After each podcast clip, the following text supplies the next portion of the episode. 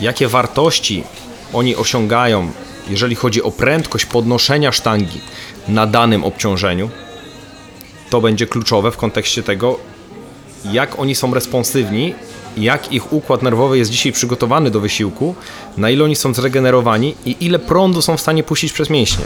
Bo jeżeli oni, dla przykładu, jeden z zawodników, wykonując przysiad ze stówą, wykonuje go na prędkości 1,1 m na sekundę, a 3 dni później, wykonując ten sam przysiad ze stówą, wykonuje go na prędkości 0,7 m na sekundę, to już pokazuje nam, że on nie jest na tym samym poziomie przygotowania do treningu i tym samym poziomie regeneracji, jak był w stosunku do dnia poprzedniego. To czy poprzedniego, do poprzedniego treningu. Cześć. Nazywam się Mateusz Brela i witam Cię w moim podcaście Champions Way. Audycja o psychologii sportu i nie tylko. Jest mi niezmiernie miło, że chcesz ze mną kroczyć tą mistrzowską drogą. Ten podcast, ta audycja przede wszystkim dla każdego, kto szuka czegoś więcej, kto chciałby się rozwijać i kto chciałby znaleźć swój kawałek podłogi nie tylko w tematyce psychologii w sporcie, bo w tej audycji poruszam wiele różnych innych tematów z różnych dziedzin życia codziennego. Zatem zapinamy pasy, tankujemy płyny i zapraszam Cię do wspólnej podróży. 154 odcinek podcastu nadajemy z, ze specjalnego miejsca, kawiarnia. Jak ona się nazywa? Fox? Chyba kawiarnia, Fox. Kawiarnia Fox w Metz, Francji. A moim gościem jest Mateusz Zimoch. Dzień dobry Państwu. Witaj Mati. Dziękuję Ci za przyjęcie zaproszenia, co nie było oczywiście jakimś, e, jakimś trudnym zabiegiem, żeby Cię tutaj zaprosić. Tak, bo jesteśmy razem w pokoju. Tak, więc, y, więc nie miałeś wyjścia. Natomiast y, mamy dużo fajnych tematów, które sobie już zanotowaliśmy podczas y, drugiego zgrupowania. Stwierdziliśmy, że, że to będzie fajna, pełna rozmowa. Mamy, mamy dużo wątków ciekawych, merytorycznych, technicznych, ale, ale pogadamy sobie w ogóle tak, y, tak, tak, tak życiowo. I tak chciałbym, żeby ta rozmowa przebiegała. Mamy jakąś mapę myśli, czy się będziemy do końca je trzymali? Zobaczymy. Natomiast na początek chciałbym, żebyś przedstawił się moim słuchaczom, mojej, mojej widowni, która być może nie do końca Cię zna, być może cię, cię, cię bardzo dobrze zna, ale mimo wszystko każdy mój gość zawsze ma tutaj przestrzeń do tego, żeby powiedzieć, kim jest, bo Ty jesteś osobą, która potrafi się przedstawić najlepiej. Dziękuję bardzo. E, witam Państwa, nazywam się Mateusz Zimoch. E, w swojej praktyce tak naprawdę od wielu lat zajmuję się szkoleniem zarówno trenerów, jak i prowadzeniem sportowców oraz klientów indywidualnych, bo też nie oszukujmy się, tak naprawdę większość z nas, trenerów, zaczynała gdzieś tam, możemy powiedzieć, od tych sportowców amatorów lub e, ludzi, którzy po prostu pasjonują się sportem lub chcą zmienić troszeczkę swoje życie poprzez dodanie jakiejś aktywności fizycznej, a potem gdzieś tam ta specjalizacja z biegiem lat e, zaczyna e, nas wkręcać w jedną lub w drugą stronę tak naprawdę. E, jeżeli miałbym powiedzieć w tym momencie, czym się zajmuję, to tak naprawdę jestem e, trenerem przygotowania motorycznego zawodowych siatkarzy. E, w tym sezonie miałem okazję pracować z zespołem z Plus Ligi, czyli siatkarskiej ekstraklasy e, Luk Lublin oraz obecnie zajmuję się przygotowaniem motorycznym reprezentacji Polski mężczyzn do lat 21. Nie wspomniałeś jeszcze o jednym elemencie, który jest arcyciekawy i w mojej ocenie daje Ci też dużo większą znajomość sportu, jaką, jaką jest siatkówka i to jest sędziowanie. Tak, Byłeś jak sędzią. najbardziej, jak najbardziej. E, Byłem, a w sumie to jestem tak naprawdę, bo e, związek daje mi taką możliwość, żebym skorzystał w tym momencie na czas trwania mojego kontraktu lub współpracy z klubem sportowym na tak zwany taki urlop sędziowski. E, Także jak najbardziej jestem jeszcze sędzią. Czy do tego wrócę, czas pokaże. Ze względu na to, że zobaczymy, jak ułoży się moja kariera.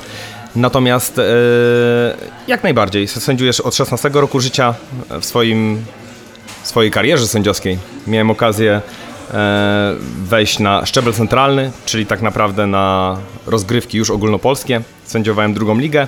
Natomiast jako obsada pomocnicza e, miałem okazję sędziować najwyższej rangi zawody w kraju oraz można powiedzieć też w Europie, ze względu na to, że chyba takim meczem, który najbardziej wspominam było e, spotkanie Warszawy z Perugią na łamach Ligi Mistrzów, e, gdzie byłem w obsadzie pomocniczej i sędziowałem ten mecz jako sędzia liniowy. Dobra, teraz pytanie takie jeszcze bardziej wstecz, czyli gdzie był początek w ogóle sportu w swoim życiu? Bo gdzieś ta droga się musiała zacząć, że jednak poszedłeś w, w ogóle w siatkówkę, ale, ale w ogóle jestem ciekawy Twoich początków jako, jako sportowca. E, tak naprawdę ta droga zaczęła się już od e, lat szkolnych, gdzie trafiłem tak naprawdę do szkoły podstawowej, gdzie ta siatkówka była na bardzo wysokim poziomie i większość osiągnięć, czy w województwie, czy w, w mieście, tak naprawdę szkoła zdobywała ze względu na siatkówkę. Tam też trafiłem na ludzi, którzy tą siatkówką byli zainteresowani. Część z nich E, była zainteresowana tym, tym, sportem pod kątem jego uprawiania, część z, nim pod, pod, część z nich pod kątem jego sędziowania. E, ja ze względu na to, że e, wzrostem nie grzeszę i to chyba widać, nie muszę tego ukrywać. Poszedłem raczej w stronę sędziowania i, no i na tym polu gdzieś tam zacząłem się rozwijać. Więc nie będę ukrywał, że zdecydowanie jakby główną rolę odegrało tutaj społeczeństwo. I tutaj e, w większości według mnie przypadków tak jest. Są ośrodki w Polsce, gdzie e, chłopaki zaczynają podnosić ciężary ze względu na to, że wychowali się w miejscowości chociażby, gdzie wychował się Szymon Kołecki i przy każdym e, ośrodku sportowym lub szkole zbudowana jest sala do podnoszenia ciężarów. Mhm. Ktoś wychował się w miejscu, w którym na przykład są skoczkowie narciarscy, no i wiadomo, że musiał urodzić się w górach, bo raczej nad morzem tej dyscypliny nie mógłby ćwiczyć. I zdaje mi się, że tutaj chyba to odgrywa największą rolę. E, gdzie się znajdziemy w naszej młodości i kto nas do tego popchnie, mhm. a potem ze względu na to, czy jesteśmy ambitnymi, czy nieambitnymi ludźmi, czy gdzieś tam zaszczepiło e, się w nas, zaszczepiła się w nas taka pasja do, do jakiejś czynności, no to to będzie decydować o tym, czy dalej to będziemy ciągnąć, czy nie. Wczoraj w pokoju rozmawialiśmy o. E, komentowaliśmy taką, taki krótki short, jakąś rolkę TikTok y, Davida Gogginsa.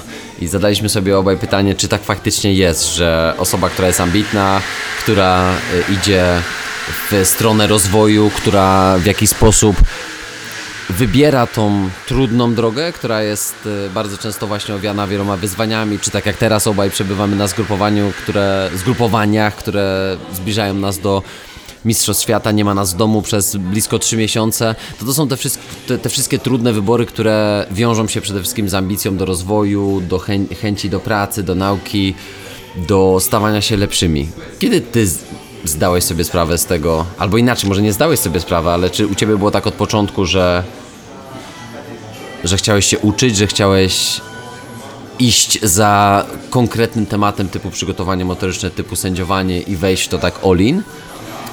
Znaczy, mm, czy było tak od samego początku, szczerze nie jestem w stanie powiedzieć. Natomiast zdaje mi się, że kolejne rzeczy, które działy się w moim życiu w momencie, gdy podjąłem się czegoś, jakby same napędzały mnie do tego, żebym robił to dalej. Czyli, nie wiem, podam najprostszy przykład. Jakbyś namalował mamie laurkę na urodziny czy jakąkolwiek okazję, a nagle ta laurka byłaby taka piękna, że wszystkie koleżanki w pracy chciałyby ją oglądać, to by cię pchnęło do tego, ten taki hype lub to ten rozgłos związany z tą laurką, by pchnął cię do tego, żebyś zaczął malować dalej. Może już nie laurkę, tylko zacząłbyś malować martwą naturę. Jakbyś namalował pięknie martwą naturę, to w końcu e, zostałbyś doceniony trochę przez szersze grono. I tak dalej, i tak dalej. Mówiąc tutaj na przykładzie malowania, e, zdaje mi się, że w moim życiu było tak, że po prostu to, co wykonywałem, było bardzo dobrze odbierane zarówno przez ludzi, dla których to robiłem, jak i przez e, ludzi z branży. I to tak naprawdę na każdym kolejnym stopniu popychało mnie do tego, żebym szedł w to dalej. Podejrzewam, że nie wiem, gdybym spotkał się z dużym hejtem na samym początku drogi, gdzie wiadomo, każdy, na początku każdej drogi ma kilka rozwiązań na siebie, to nie jest tak, że już siedzi na tej jednej ścieżce, jeżeli na początku drogi spotkałbym się z takim hejtem, że gdzieś tam to, to, to mi nie wychodzi, to nie gra, może w tym momencie, nie wiem, byłem instruktorem jazdy, a jestem trenerem, także E, zdaje mi się, że. Zresztą rozmawialiśmy o tym tak samo przy okazji zgrupowania akurat poprzedniego w Kędzierzynie, że mamy do czynienia tak naprawdę w tym momencie z bardzo młodymi sportowcami tutaj na zgrupowaniu. I tak jak ty mi zadałeś to pytanie, czy gdybyśmy porozmawiali z nimi za 10 lat, każdy z nich by grał w superklubie, był mistrzem świata i zadałbyś im pytanie, co cię popchnęło do tego? No tak naprawdę pewnie popchnęły ich wyniki. Eee, podejrzewam, że wyniki, że rozgłos, sukces to, jest, to są takie determinanty tego, że będziemy szli cały czas do przodu, bo jeżeli tego nie ma, no to widzimy ludzi, którzy po 10-12 latach pracy w korporacji nagle stwierdzą, że chcą łowić ryby, a nie do końca siedzieć cały czas przed komputerem. I nagle stają się mistrzem świata w łowieniu ryb. E, ale to tylko dlatego, że są w stanie się temu oddać i tak jak powiedziałeś na temat poświęceń, e, jeżeli ktoś traktowałby taką pracę trenera lub trenera reprezentacji e, jako, nie lubię tego słowa, ale powiem je, jako robotę od godziny 7 do 15, Tak. no to, no to po, po tygodniu takiej pracy by z niej po prostu zrezygnował. Tak. Bo zaczynając od tego, że czas pracy jest nienormatywny, e, kończąc na tym, że jakby e, w pracy jesteś non-stop, to jeżeli tego nie lubisz, no to nie oszukujmy się, ale długo w tym nie posiedzisz. I, I to wszystko, o czym mówisz, dla mnie zawiera się w takiej, w takiej japońskiej filozofii Ikigai. Kojarzysz? Nie. Filozofia Ikigai jest oparta na sensie życia. To jest taka, taka filozofia, kier, która kieruje Twoim życiem i która napędza Twoje życie. I tam są takie cztery główne czynniki, z czego chyba Ty wymieniłeś wszystkie cztery. Bo myślimy o tym, co jest moją pasją, co sprawia mi radość, czemu jestem w stanie się oddać, w czym jestem dobry, czyli w czym osiągam wyniki, czego świat potrzebuje i za co mi dobrze zapłacą. Dokładnie. To są takie Oczywiście. składowe tych y, najważniejszych, jakby najważniejszych elementów, które, które tworzą tą filozofię. No bo oczywiście możesz mieć w czymś pasję, możesz się w czymś oddawać, czy czemuś się oddać, przepraszam, ale jeżeli robisz to wszystko pro bono, no to też w pewnym momencie musisz sobie odpowiedzieć na pytanie, czy jesteś w stanie zapłacić za tą kawę, która tutaj teraz obok nas stoi, albo czy jesteś w stanie zapłacić za wynajem studia, gabinetu, mieszkania, zapłacić leasing samochodu albo kupić samochód za gotówkę, prawda? I, i to na koniec dnia musisz sobie zadać to pytanie, czy, Oczywiście.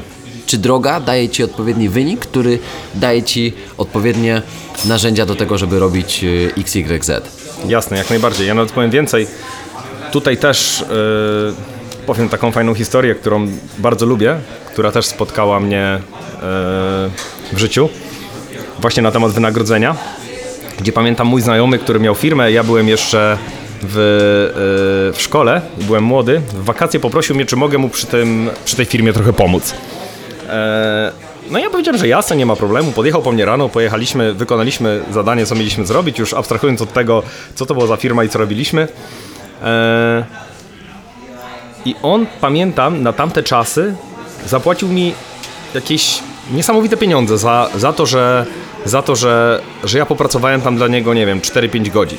To podejrzewam, że na tamte czasy zarabiać w jakimś sklepie albo na budowie 8-10 zł na godzinę to było, to było takie wynagrodzenie.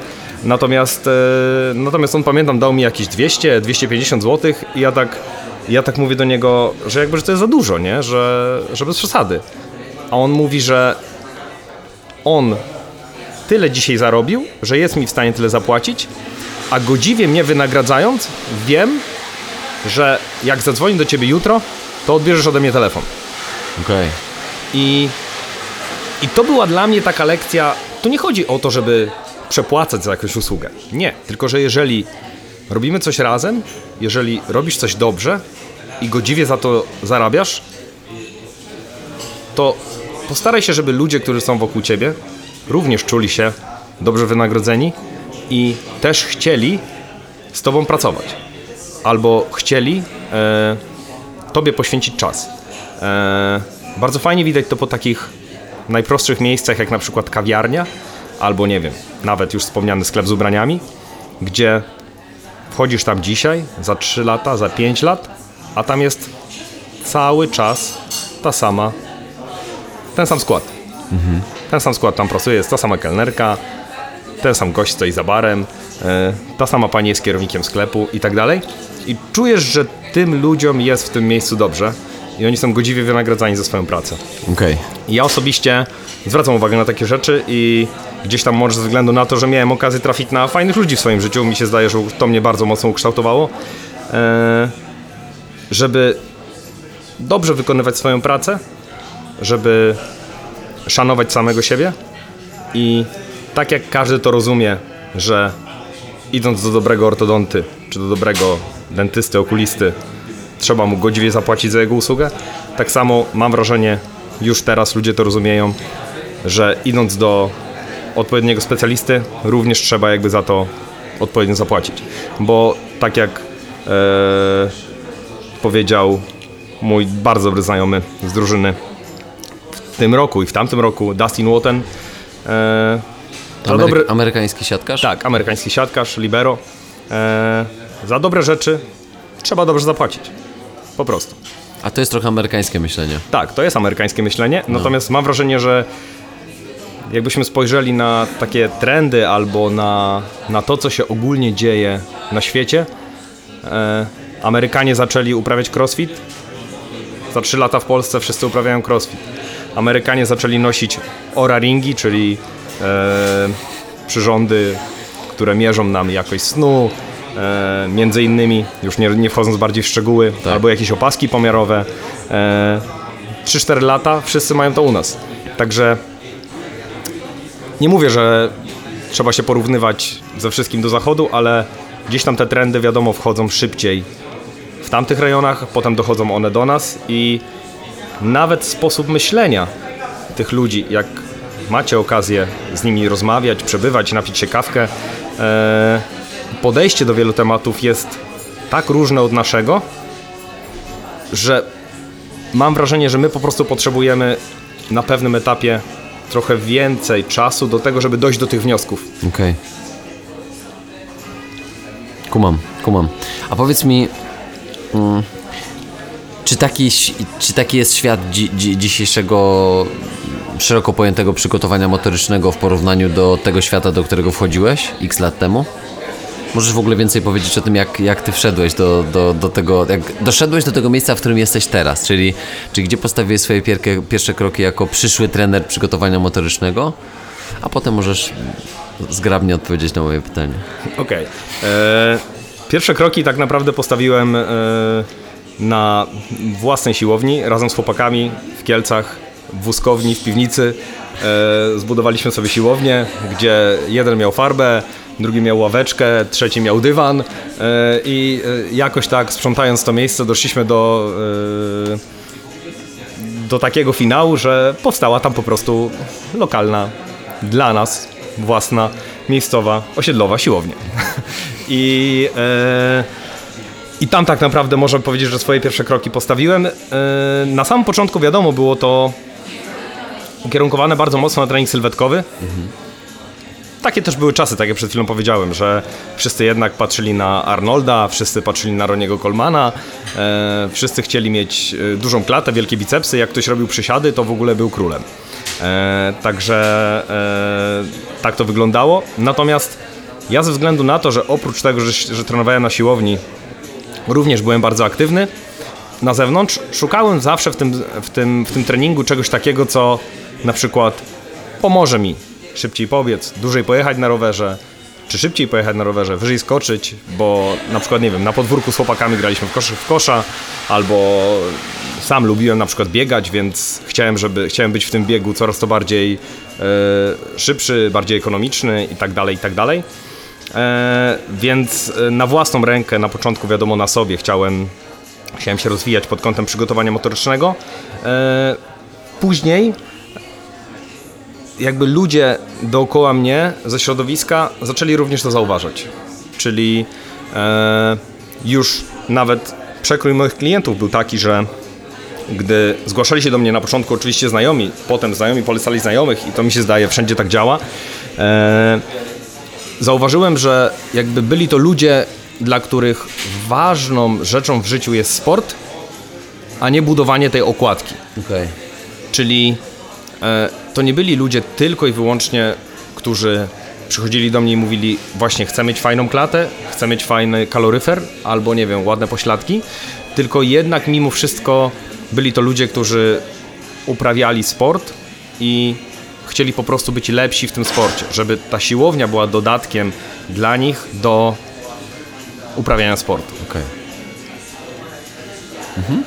Kumam. I teraz dalej, dalej w, w którym momencie, bo ty, bo ty też jesteś, jesteś, byłeś, popraw mnie, szkoleniowcem przyszłych trenerów personalnych. Zresztą już rozmawialiśmy o tym, że nawet ja jak 6, 6 lat temu zrobiłem sobie swój kurs trenera personalnego po prostu dla siebie. Wtedy, wtedy jeszcze sobie tak myślałem, że a, po prostu chcę się więcej nauczyć. No to okazało się, że mogłem trafić na ciebie albo na, na, szk- na szkoleniowca, z którym, z którym ostatecznie ten kurs odbyłem, czyli z Pawłem Głuchowskim. No i niewiele brakło, byśmy się spotkali 6 lat temu. Nie? Tak, tak, tak, tak, teraz, tak, zdecydowanie. Wiesz, do, przeprowadź mnie jeszcze od tego momentu, kiedy, kiedy wiesz, kiedy zacząłeś sam, pewnie byłeś samoukiem, nie? Do, jakby do tego momentu, kiedy, kiedy zacząłeś się zastanawiać, jak sprawić, żeby, żeby przez ruch stawać się lepszym w, w konkretnym sporcie. I ten etap do momentu, jak, jak, jak, jak zostałeś szkoleniowcem. Co zrobiłeś, jakby, jak się tam znalazłeś w ogóle? Moja droga zaczęła się e, w Akademii Mistrzostwa Sportowego we Wrocławiu, gdzie zdobyłem uprawnienia trenerskie. Tam zostałem również zauważony i doceniony pod kątem mojej wiedzy i e, objąłem Warszawę jako szkoleniowiec. E, Tam właśnie mogliśmy się poznać, Mati, e, ze względu na to, że e, w Warszawie jakby realizowałem kursy trenera personalnego. Później jeżeli chodzi o to, co, co działo się w moim życiu w kontekście rozwoju zawodowego, jako trener przygotowania motorycznego skończyłem takie szkolenie jak Elite Performance Institute realizowany przez Karla Gilligana. Następnie pod okiem Carlo Buzzucchelliego e, dołączyłem do Akademii Tudora Bompy, e, gdzie realizowałem e, właśnie kurs pod jego skrzydłami. Szkoleniowo, później Akademia Mistrzostwa Sportowego przekształciła się w Global Sports Academy. Tam również objąłem Warszawę jako szkoleniowiec i miałem również okazję być wykładowcą oraz prowadzącym zajęcia na Akademii Wychowania Fizycznego w Warszawie, gdzie pracowałem z studentami e, pod kątem dwuboju oraz e, trójboju siłowego oraz kulturystyki. E, Jeżeli chodzi o dwubój siłowy, nie będę oszukiwał, jest to tak naprawdę mój, mój konik i tutaj bardzo cenię sobie i również odbyłem jakby kursy i szkolenia pod tym kątem. Szkołę amerykańską podnoszenia ciężarów, gdzie na kursie Mike'a Belgenera poznałem tajniki dwuboju olimpijskiego. Dodatkowo e, takim moim zainteresowaniem jest również szeroko pojęta mobilizacja mięśniowa i miałem to szczęście, że e, trafiłem w Berlinie na szkolenie, a przede wszystkim trafiłem na dostępne miejsce na tym szkoleniu.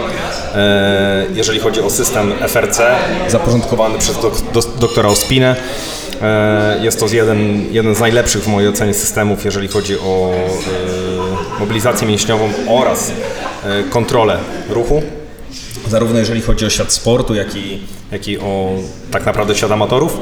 E, No i chyba nie będę ukrywał, ale największym krokiem rozwoju w, w mojej karierze, czy w mojej przygodzie ze sportem, czy trenerką jest to, że trafiłem na fenomenalnych ludzi i trenerów na sali.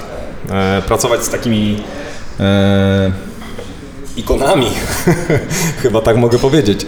Pracować z takimi ikonami jak Kamil Goleń czy Michał Skowron na sali, to jest naprawdę taka szkoła życia, że życzę każdemu, ale to naprawdę każdemu, żeby na swojej drodze spotkał kogoś takiego, y, z kim na co dzień może od rana do nocy rozmawiać o przygotowaniu motorycznym i mieć okazję patrzeć na sali, jak pracują tak naprawdę mistrzowie w swoim fachu. Super, okej. I teraz po, jeszcze powtórzę i sparaf- sparafrazuję to, to moje pierwsze takie główne pytanie. Jak wtedy wchodziłeś w tą branżę, prawda? Który to był rok? Pamiętasz? 16? Okej, czy 7 lat temu. 16 albo wcześniej, nie, wcześniej. To musiało być wcześniej. Powiem szczerze, że w daty jestem bardzo słaby ogólnie. Okej. Ale załóżmy, że z 8 lat temu, tak? Tak. Około, nie? Coś, coś, coś takiego. I teraz tamten moment, jak wchodziłeś tam to, w, tą, w tą branżę, tak jak mówisz, Ameryka dopiero coś tam nam zaczął nam skapywać coś z Ameryki. Tak, no wtedy, wtedy, wtedy ewidentnie jakby był bardzo mocny nacisk na trening sylwetkowy. Tak. Czyli nie liczyła się ta funkcja, nie liczyła się ta sprawność, liczyła się sylwetka. Czyli dla przykładu mogłeś nie umieć zrobić nic ze swoim ciałem, natomiast jeżeli wyglądałeś dobrze, to ludzie do ciebie przychodzili. Dlatego wszyscy wtedy patrzyli na okładkę. Teraz widzimy to, widzimy to, że trener nie musi być z okładki Men's Health'a, żeby miał pod sobą mnóstwo podopiecznych. Bo tak naprawdę ludzie już patrzą w tym momencie dużo mocniej na funkcję, według mnie, i na to, że podnosząc tą zgrzewkę wody z bagażnika, nie bolą ich plecy e, i są w stanie na co dzień funkcjonować bez bólu, są w stanie na co dzień e, czuć się dużo sprawniejsi i to w tym momencie stało się bardzo mocno dla nich e, taką determinantą utrzymywania sprawności i trenowania i chęci trenowania tak naprawdę. Natomiast kiedyś tak naprawdę ludzie chcieli wyglądać.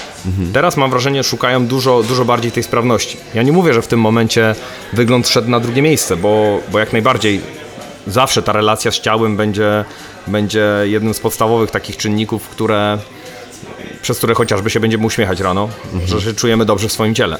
E, także zdecydowanie jakby cały czas to parcie na wygląd jest, ale nie tak duże, a nawet bym powiedział, że dużo, dużo mniejsze niż e, parcie na sprawność. Mało tego, dzisiaj też wydaje mi się, że opakowanie zewnętrzne to z okładki czasopisma Men's Health już nie oznacza jesteś zdrowy. I, I tylko potrafi już generować więcej znaków zapytania, tak? Tak. Czy ta osoba na, na pewno jest y, w 100% sprawna, czy ona jest na pewno zdrowa, czy ona faktycznie żyje bez bólu. No i to troszeczkę poddajemy. Nawet powiem, powiem ciekawą historię. Dawaj. E, jedna z moich klientek e, po półrocznej współpracy ze mną e, napisała mi kiedyś taką wiadomość, którą pamiętam do dzisiaj i bardzo często mówię nawet przy okazji jakichś szkoleń, e, że pierwszy raz od pięciu lat, odkąd mają działkę z mężem, była w stanie pomóc mu nosić drewno z lasku do domu e, na opał i nie bolą ją plecy i nosiła je dłużej niż on. I to on do niej podszedł wieczorem i powiedział sam, bo ona to czuła, ale jakby nie chciała za bardzo, nie wiem, czy mówić, czy jakby, no po prostu jest skromną osobą. E, on sam do niej podszedł i powiedział, że jakby niesamowity zrobiła progres w kontekście jakby zdolności swojego ciała do przenoszenia obciążenia, e, że, że jakby cały dzień była w stanie nosić z nim to drewno. I ona do mnie przyszła i powiedziała, że Mateusz, ja się tak nigdy nie czułam. I, I to jest coś, co mm, mi osobiście przyświeca jakby w, w pracy z ludźmi, żeby dostawać taki feedback. Ja wiem o tym, że kratę na brzuchu, dodając cardio lub odejmując troszeczkę z bilansu kalorycznego w ciągu dnia, jest w stanie mieć każdy, bo mięśnie brzuchu ma każdy. To, jak one są widoczne, zależy od poziomu tkanki tłuszczowej. Natomiast jeżeli kogoś przewlekle bolą plecy przez 10-12 lat, a nagle ty swoimi e, ingerencjami w jego ciało tak naprawdę sprawiasz, że on jest w stanie wyjść z dzieciakiem na rower, przynieść sam zakupy do domu, e, ponosić drewno z mężem e, na ognisko i on wchodzi z pełnymi oczami do ciebie i mówi wow.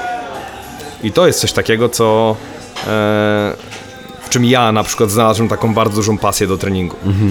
Teraz odnosząc się z takiego sportowca amatora, a może po prostu z człowieka, który ćwiczy dla poprawy swojej funkcji, do sportowca zawodowca, e, to samo przychodzą chłopaki do mnie po meczu, przed treningiem, po treningu i mówią: Ja się nigdy tak nie czułem na boisku. Ja mogę grać 500 jeszcze. Ja nie wiem. czuję się, że jestem bardzo wysoko. Nawet kiedyś dostałem taki bardzo fajny feedback od jednego z środkowych, że on dużo gorzej atakuje mu się na meczu, bo on jest dużo wyżej niż normalnie. I jest mu się ciężej spotkać z piłką. I to jest coś takiego, że, e, że to są, mam wrażenie, te takie determinanty tego, że ty chcesz dawać jeszcze więcej. Mhm. I codziennie dodać coś od siebie. Przeczytać, szkolić się. E, to jest według mnie coś, co, co jak mówiłeś, czemu się tu znalazłem, to chyba właśnie temu. Wczoraj, wczoraj chłopaki po, po meczu, z, z, po pierwszym meczu sparingowym z reprezentacją Brazylii, wygranym przez nas 3-2, czyli po rozegraniu 5 setów, mówili, że fizycznie czuli się świetnie. Naprawdę, że mogli 5 setów jeszcze zagrać, dokładnie tak jak tutaj powiedziałeś o, o, o jednym ze swoich zawodników.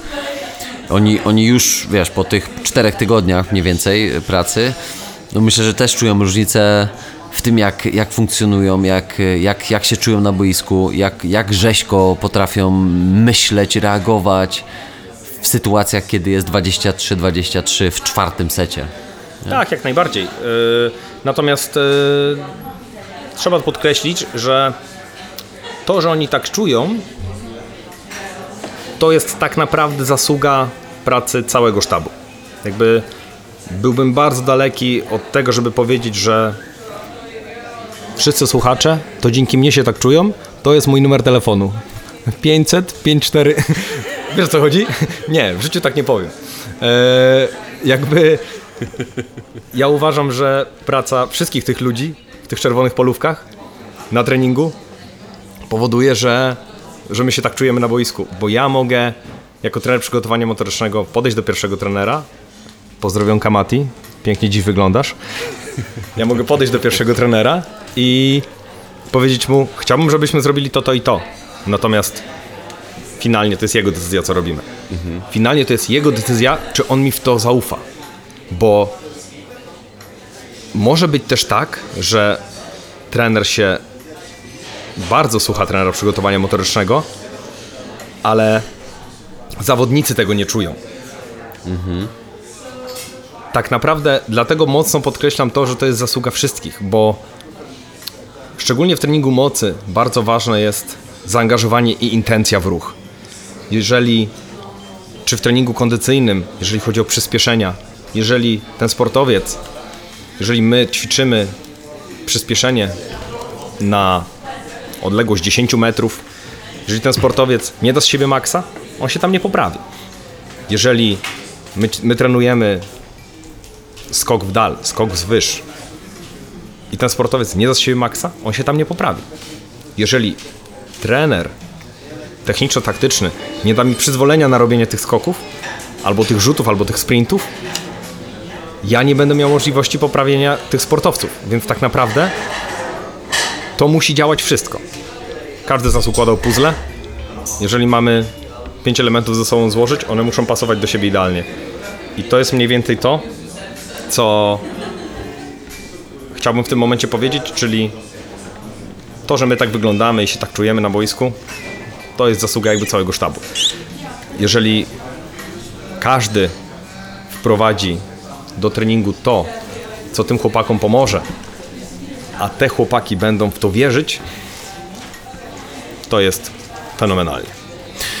No, na, właśnie na tym też polega proces w ogóle budowania zaufania we wszystko, nie? Czy to w mojej pracy jako, jako psychologa, czy właśnie w Twojej pracy jako, jako trenera przygotowania motorycznego, który też musi przekonać do swojej filozofii e, pracy. To, to, to myślę, że to jest taka fajna historia jednego z, e, z zawodników amerykańskich, o których e, Amery zawodnika drużyny amerykańskiej, o którym opowiadałeś w kontekście pracy na akcelerometrze, prawda? I że to jest jakby, że on mylił to z pracą na szybkość, a, a jakby ty, ty, bardzo dokładnie tłumaczyłeś jakby na czym, na czym to polega i to też polega właśnie na tym, że ktoś musi ci zaufać, że to, to jest potrzebne do tego celu, których ty, który ty chcesz z tym zawodnikiem osiągnąć.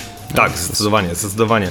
Historia była taka, tak przybliżę ją bardzo, tak. bardzo szybko, że yy, podczas pracy z jednym z zawodników. E, Reprezentacji Stanów Zjednoczonych. Tak, mhm. gdy Pierwszy. pracowaliśmy na akcelerometrze. on myślał, że przez to, że my sprawdzamy szybkość sztangi, pracujemy nad szybkością. A on chciał pracować nad siłą. I tak naprawdę w jednym, w drugim, trzecim spotkaniu w końcu doszliśmy do, do porozumienia, czemu dobieramy taki model pracy, a nie inny i wytłumaczyłem mu zasady działania tego urządzenia. Natomiast e, to pokazuje, jak różnie każdy zawodnik może odbierać Twoje intencje. Ty układając najlepszy plan na świecie lub sugerując najlepsze metody treningowe na świecie, możesz zostać kompletnie źle odebrany i pomimo tego, że plan będzie super, jego wykonanie będzie słabe. I teraz nie będziesz w stanie osiągać tego, co chcesz, jeżeli, tak jak rozmawialiśmy o tej intencji, jeżeli ta intencja na przykład w treningu mocy będzie mała. Nie jesteś w stanie rzucić 100 metrów piłką palantową, jeżeli cały czas będziesz rzucał po 20. Musisz w tym ruchu szukać maksymalnej intencji. Po to, żeby stawać się lepszy.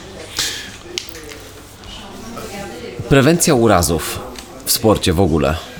No to tak jest, myślę, że też dosyć popularny temat teraz i jakby te wszystkie, te wszystkie jakby powiedzmy rodzaje treningów, jakie wymieniasz, czyli właśnie trening mocy, czy trening szybkości i tak dalej. Zresztą ostatnio, wczoraj pokazywałeś taki fajny, taki fajny jakby filmik, może to był jakiś też ten, ta, ten, ten taki skrót tego, jak wygląda mm, więzadło, tak? To, było, to, to wokół więzadła. i więzadło jakby- rzepki. Mhm. No właśnie, więzadło rzepki, wpływ treningu izometrycznego. I jakby wielu sportowców mam wrażenie, że dzisiaj patrzy na tą prewencję urazów jako coś, co jest coraz bardziej niezbędne. Kiedyś mam wrażenie, że nie patrzyło się na to w taki sposób, że prewencja urazów nie była kojarzona na pierwszym miejscu z treningiem siłowym, tylko zrobieniem jakichś te, z, z, zrobieniem jakichś ćwiczeń przed treningiem wprowadzających, prawda? Tak, jak najbardziej, jak najbardziej. Zdecydowanie kiedyś tak było, że yy, nawet panuje wiele takich śmiesznych poglądów lub krąży po internecie wiele śmiesznych filmików czy zdjęć, gdzie yy, machanie gumką przy słupku nie pomoże ci później w tym, że musisz z całej siły uderzyć piłkę znajdującą się 3,5 metra nad ziemią. Tak. E, I rzeczywiście jakby ta wiedza zmieniła się bardzo mocno w kontekście e, prewencji urazów, ale teraz wiemy też to, że zamiast wierzyć w jakieś ćwiczenia lub w jakieś ruchy, oczywiście są metody, e, które pozwalają ci e, w dużym stopniu na przykład odciążyć tkankę. Są metody, które pozwalają ci w dużym stopniu polepszyć regenerację czy poprawić jakąś zdolność motoryczną tkanki. Natomiast e, wiemy, jak w tych czasach znaczy dużo ogólne obciążenie zawodnika, czyli monitorowanie tego obciążenia, które on przenosi. E, zaczynając od tych obciążeń zewnętrznych, typu nawet stres, kończąc na to w siatkówce na przykład wyrażamy jako ilość skoków na treningu, e, ilość przeniesionego tonażu w ciągu tygodnia, w ciągu jednostki treningowej. To tak naprawdę warunkuje to, czy ta tkanka lub jakiś element naszego ciała, już nie wchodząc w szczegóły, jest w stanie przenosić to obciążenie regularnie i nie degradować się lub nie po, potocznie zrywać się. Eee, w myśl zasady, że kropla drąży skałę. Jeżeli spadnie jedna duża kropla na tą skałę, nic się nie stanie. Jeżeli spadnie ogromna ulewa, też nic się nie stanie. Ale jeżeli ta kropla będzie tam padać non-stop, non-stop, non-stop, to dochodzimy do wniosku, że to ta objętość przenoszona będzie nas niszczyć, a nie to, jak duża jest ta jedna kropla. Wiem, że ciężko jest to, jest to tak sprecyzować, bo to jest temat, nad którym ty pracujesz przez lata. Ja wiem, że ciężko jest omówić, wiesz, e, założenia cyklu pracy podczas całego sezonu z drużyną Luk Lublin w Plus Lidze, prawda?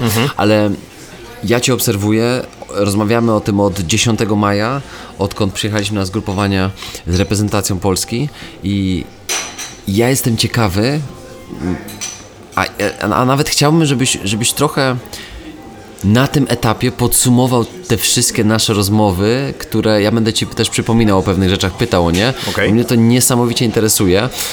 Jak 10 maja weszliśmy w pracę z reprezentantami Polski do lat 21, gdzie wiedzieliśmy, że w tym momencie mamy niecałe dwa miesiące do rozpoczęcia Mistrzostw Świata w Bahrajnie. Tak? 7 lipca rozgrywamy pierwszy mecz z Indiami.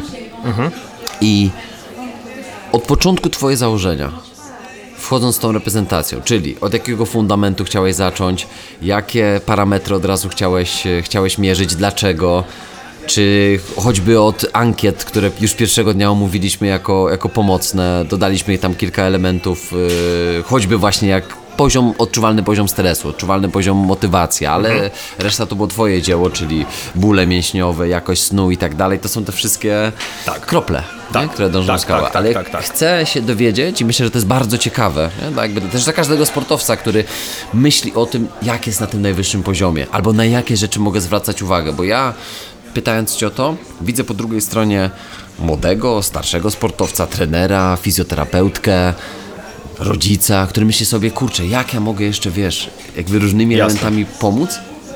No i mało kto jest w stanie wyciągnąć takie rzeczy ze zgrupowania reprezentacji Polski mężczyzn do lat 21. Jasne. E, Jeżeli chodzi o mon- o monitorowanie tego obciążenia zawodnika, z czym łączy się również prewencja urazów, tak naprawdę musimy sobie w takim ogólnym rozrachunku powiedzieć o dwóch rodzajach obciążeń. O obciążeniu zewnętrznym i obciążeniu wewnętrznym. Obciążenie wewnętrzne będzie kojarzyło się z tym, co tak naprawdę ten zawodnik odczuwa. Czyli tak jak wspomniałeś o tych arkuszach, e, to są arkusze wellness, arkusze, które pozwalają nam ocenić subiektywne obciążenie zawodnika. E, I tutaj w nich będziemy patrzyli na takie wartości jak długość snu, jakość snu, apetyt, odczuwalny poziom stresu. To ustaliliśmy razem, że ty w kontekście swojej pracy chciałbyś znać e, tą, tą wartość. E, bóle mięśni i stawów, samopoczucie i motywacja. I motywacja do treningu, motywacja do życia, ogólnorozumiana motywacja. I teraz oceniamy sobie to w skali od 1 do 10, gdzie jedynka oznacza, że jest luz, luz, plaża i drinki, natomiast dyszka, że to jest za ciężko i jestem zajechany na maksa. Ok? Eee, stosując tą skalę, my tak naprawdę jesteśmy w stanie, tak jak wcześniej wspomniałem, ocenić to, co czuje zawodnik. Subiektywnie. Tak, dokładnie. Natomiast są również obciążenia, które jesteśmy w stanie ocenić obiektywnie, czyli te zewnętrzne, czyli na przykład mierząc ilość skoków oddanych na treningu, ilość ataków oddanych na treningu, ogólnie sprawdzając jakiś parametr, który jesteśmy w stanie ocenić bardzo rzetelnie dla całej grupy. Bardzo łatwo, prosto i powtarzalnie. Czyli, jeżeli tak nasz, jak nasz statystyk, Maciej Edgens, pozdrawiamy Maciej, również pięknie dziś wyglądasz.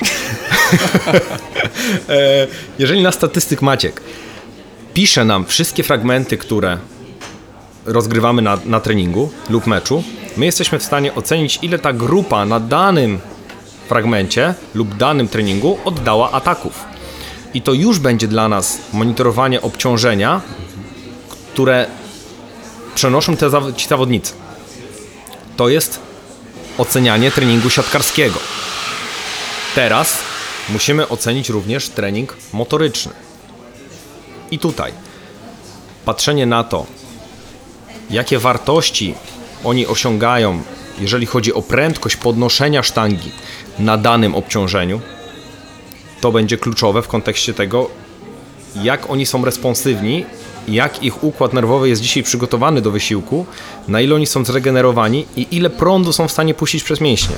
Bo jeżeli oni, dla przykładu, jeden z zawodników, wykonując przysiad ze stówą, wykonuje go na prędkości 1,1 m na sekundę, a trzy dni później, wykonując ten sam przysiad ze stówą, wykonuje go na prędkości 0,7 m na sekundę, to już pokazuje nam, że on nie jest na tym samym poziomie przygotowania do treningu i tym samym poziomie regeneracji, jak był w stosunku do dnia poprzedniego. Znaczy poprzedniego, do poprzedniego treningu. Czyli tutaj o tyle, o ile w tych takich subiektywnych odczuciach zawodnik jest w stanie troszeczkę oszukać, bo jest dużo takich bardzo zmotywowanych zawodników, którzy dopóki im nie urwie nogi, to dla nich trening jest za lekki, trenujemy za mało, motywacja jest na 100%. A jest mnóstwo takich zawodników, z którymi zrobisz cokolwiek i oni już będą przemęczeni. Bo po prostu ich podejście jest kompletnie inne. I teraz, patrząc na ankiety ich subiektywnych ocen, to jest tak naprawdę pokazanie ewentualnie trenerowi drzwi, które widzi ten zawodnik. Ale co się kryje za tymi drzwiami, czyli jak jest naprawdę, trener ocenia poprzez już ocenę obiektywną, czyli właśnie na przykład poprzez ilość oddanych ataków, poprzez prędkość, z jaką on w stanie jest przenosić yy, dane obciążenie, poprzez na przykład wartość ścisku na dynamometrze ręcznym, poprzez wysokość wyskoku po wykonanej rozgrzewce. Tak jak ja na przykład patrzę na, na to, jakie oni wartości osiągają w skoku po wykonanej rozgrzewce ze mną na porannym treningu w ruchu counter movement jump, gdzie ręce trzymają na biodrach. I teraz ocena również w jaki sposób oni wykonują ten skok, bo bardzo często siatkarze mają to do siebie, przez to, że skok jest ich docelową jakby i jest ich docelowym ruchem, oni ten ruch, tak najczęstszym, oni ten ruch mają opanowany do perfekcji. I zauważyłem taką korelację, że pomimo tego, że zawodnik na dynamometrze był na przykład nisko, w ankietach był nisko, prędkość sztangi była dużo niższa, zakładałem mu pomiar skoku, a ten skok był nadal wysoki. Tylko, że teraz jak patrzysz na to, jak wygląda ten skok, gdy on jest zregenerowany, gdzie tak naprawdę szybko odblokuje kolano i biodro i znajdzie się w, w powietrzu bardzo wysoko i dynamicznie, a w momencie, gdy jest zmęczony, on musi poszukać głębokości tym biodrem. Tą siłę, którą przykłada do podłogi, ona jest dużo, dużo dłuższa. Jakby rozkłada ją dużo dłużej w czasie. Szuka trochę większej głębokości w przesiadzie jakby ten skok w takim rozumieniu 3D jest kompletnie inny, bo on wkłada dużo więcej po to, żeby osiągnąć tą samą wysokość. Nie każdy jest jakby do tego zdolny, bo jeżeli jest przemęczony, to po prostu nie pchnie się do takiego momentu, ale widać to, że obserwując wszystkie te czynniki, my jesteśmy w stanie tych zawodników właśnie monitorować pod kątem ich zdolności do regeneracji, w jakim stopniu są zregenerowani, kto jakie obciążenie jest w stanie przenieść, bo znam wielu zawodników, którzy mogą wykonywać po 70 ataków na treningu, budzą się rano i mówią dawaj, jedziemy dalej. A znam takich, który po 30-40 trzeba ich wynosić z hali. I teraz na meczu, jako kibic albo jako y, ktoś z zewnątrz, nie jesteśmy w stanie tego zobaczyć. Mhm. Bo bardzo często ten zawodnik, który jest w stanie przynosić wielkie objętości treningowe, może na przykład wyglądać dłużej, gorzej na meczu niż ten, co nie jest. Bo na przykład dużo szybciej się podpala, dużo więcej wkłada energii w ruchy i dużo szybciej dochodzi do tego poziomu zmęczenia niż ten, który rozkłada to trochę bardziej ekonomicznie. E, I zbieranie wszystkich tych parametrów dla trenera w moim odczuciu jest bardzo potrzebnym elementem po to, żeby móc właśnie monitorować obciążenie, jakie jest nakładane na zawodnika, mhm. a to potem będzie się przyczyniało do tego, czy ta wspomniana przed chwilą prewencja urazów jest przez nas dobrze wykonywana, czy nie. Bo trzeba sobie powiedzieć też wprost, że wykonanie jakiegoś ćwiczenia prewencyjnego też jest kolejnym obciążeniem na tkankę. Mhm. Czyli bardzo często dobrą prewencją urazów będzie po prostu odpoczynek. niekoniecznie. To jest nawet też takie fajne powiedzenie, które krąży gdzieś tam po internecie na profilach związanych z przygotowaniem motorycznym. Jeżeli jakiś trener planuje na godzinę 6 rano trening regeneracyjny dla swoich sportowców, to to nie będzie trening regeneracyjny. Bo dużo więcej korzyści wyciągną z tego, że się po prostu wyśpią. Ciekawe i tak myślę, co by tutaj praktycznego wyciągnąć i chyba wiem. Zakładamy, że, że mówisz teraz do nie reprezentanta Polski, który nie ma takiej opieki, który nie ma tych wszystkich elementów. Byłbyś w stanie wskazać kilka rzeczy, które ktoś, kto indywidualnie chciałby coś u, u siebie zmienić, żeby lepiej pewne rzeczy monitorować. Co mógłby wprowadzić do swojego życia, zakładając, że nie ma ciebie, który mu będzie monitorował to ankietami, nie ma dynamometru, me- metra, e, nie ma, nie ma codziennego pomiaru skoków y, y, wertykalnych, prawda? Czyli Counter movement jump. kanter. CMJ. Skok, ale jak on się nazywa? Nie mogę po polsku znaleźć nazwy. Dosiężny. Tak, skok dosiężny, no dokładnie. No właśnie o to chodzi. Teraz, A widzisz, nie możesz po polsku znaleźć nazwy. No, A jakbyś wpisał to po angielsku, to by było. tak, tak. Jakbym napisał, jakbym napisał po prostu y, w- vertical jump. nie? Tak, już dokładnie. Wiesz. Dokładnie tak. Okej, ale y, y, kilka, nie? Musi być trzy, pięć, nie wiem, parę rzeczy, które ci wpadnie do głowy. Ktoś, kto nie ma tej całej opieki, no nie ma katapulta, może ma zegarek tylko. y, Okej, no Świetnie dobra. jak ma orę, ale no też Jeżeli, jeżeli mówimy, wiemy dokładnie o co ci chodzi. Jeżeli mówimy o e, takim poziomie beginner, nie masz nic. Jesteś ty, spodenki, buty i koszulka. No, w sumie majtki też mogłyby być. w każdym razie, jesteś. Zimny się rozkręca. Tak, wchodzisz na trening. I teraz chcesz ocenić swój performance. No. E, po rozgrzewce, bo to jest bardzo ważne, bo bardzo często Jakie Roz- rozgrzewce? no rozgrzewka jest właśnie takim elementem e, bardzo często pomijanym przez sportowców e, albo robionym na odwal się. E, rozgrzewka to też jest element treningu. Jeżeli pomyślimy sobie, że taka standardowa rozgrzewka trwa 15 minut, a trenujemy 4 razy w tygodniu, to albo 5 razy w tygodniu, to my tak naprawdę w ciągu tygodnia godzinę przeznaczamy na rozgrzewkę. W ciągu miesiąca jest to więcej. 4 godziny.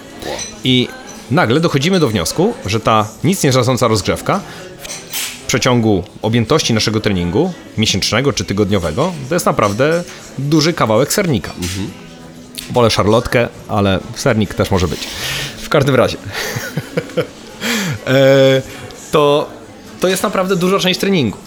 I teraz ta rozgrzewka, oprócz tego, że rzeczywiście przygotowuje nasze mięśnie, stawy, uelastycznia tkankę i tak dalej, i tak dalej, przygotowują do wysiłku, również w jakiś stopniu nas pobudza. Tak.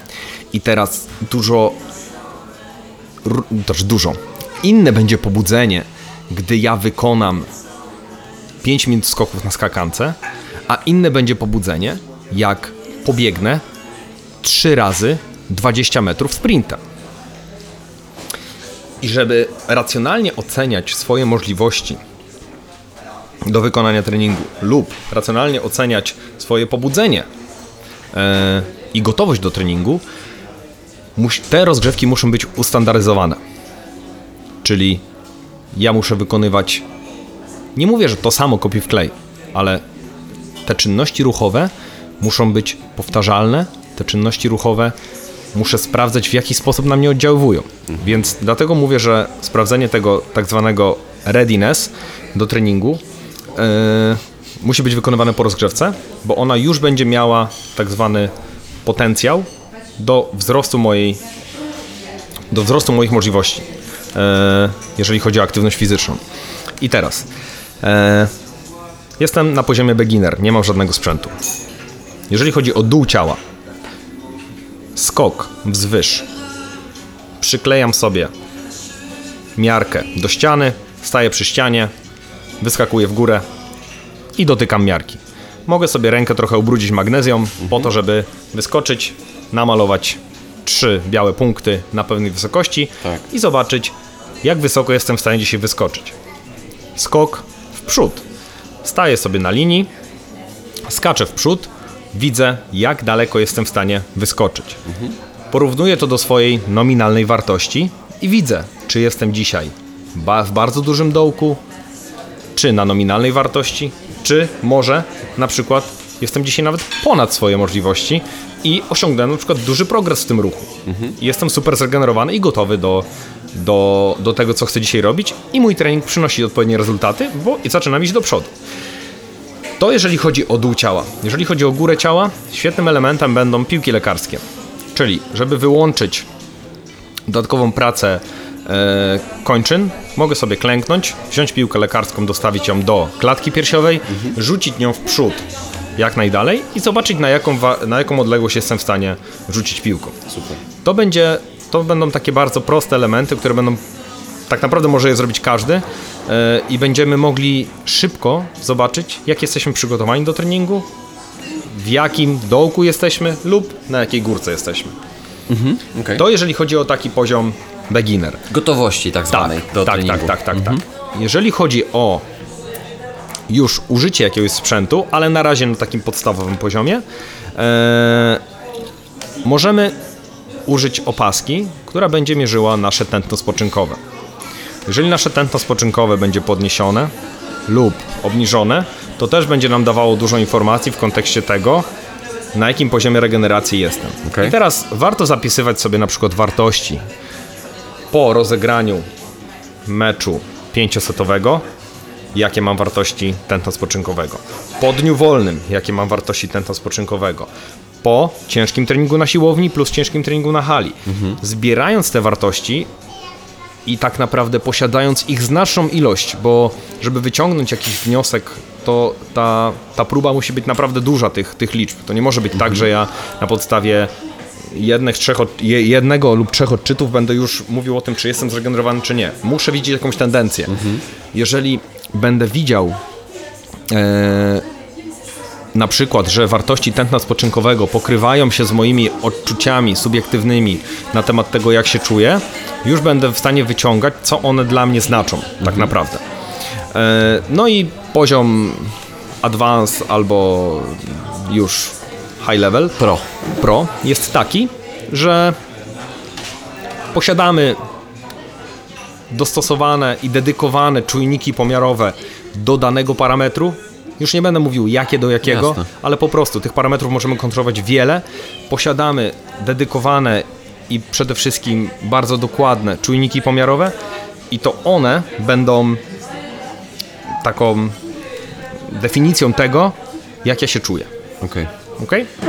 Ma to sens. Eee, tak, ma to sens.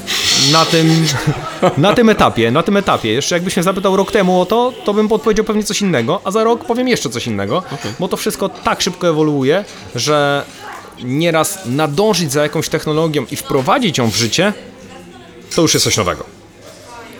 Więc, yy, więc trzeba naprawdę filtrować to, czego się używa. Przede wszystkim stać się specjalistą od używania danego przyrządu, bo te testy będą tylko dobre wtedy, kiedy ty wiesz co robić i wiesz co z tego wyciągnąć. Tak. I przede wszystkim jesteś w stanie je zastosować bardzo szybko na łamach całej drużyny po rozgrzewce. No właśnie. Mhm. Tak, teraz y, jesteś ze mną na hali, jak to mierzymy. Tak. Jeżeli na pierwszym zgrupowaniu mieliśmy 20 atletów, to test, który wykonujesz po rozgrzewce na hali, musi być naprawdę bardzo szybki, żebyś ty był w stanie wykonać 2-3 pomiary na każdego zawodnika, bo jak nie, to ty godzinę treningu stracisz na to, żeby pomierzyć zawodników. A ciebie na to w kontekście treningu nie stać. Tak. Masz halę na 2-3 godziny, masz trening zaplanowany na 2-3 godziny, nie możesz godzinę przeznaczyć na testowanie. To jakby to odpada. To po pierwsze. Po drugie, te testy muszą być osobę, robione przez osobę kompetentną, która od razu będzie w stanie na bieżąco weryfikować wyniki i dawać sportowcom feedback, co oni mają dzisiaj robić. Bo stoi 20 gości w kolejce, ich trzeba pomierzyć i im powiedzieć, co ty dzisiaj masz robić. Ty to, ty to, ty to, ty tamto, ty odpuść to, ty odpuść tamto.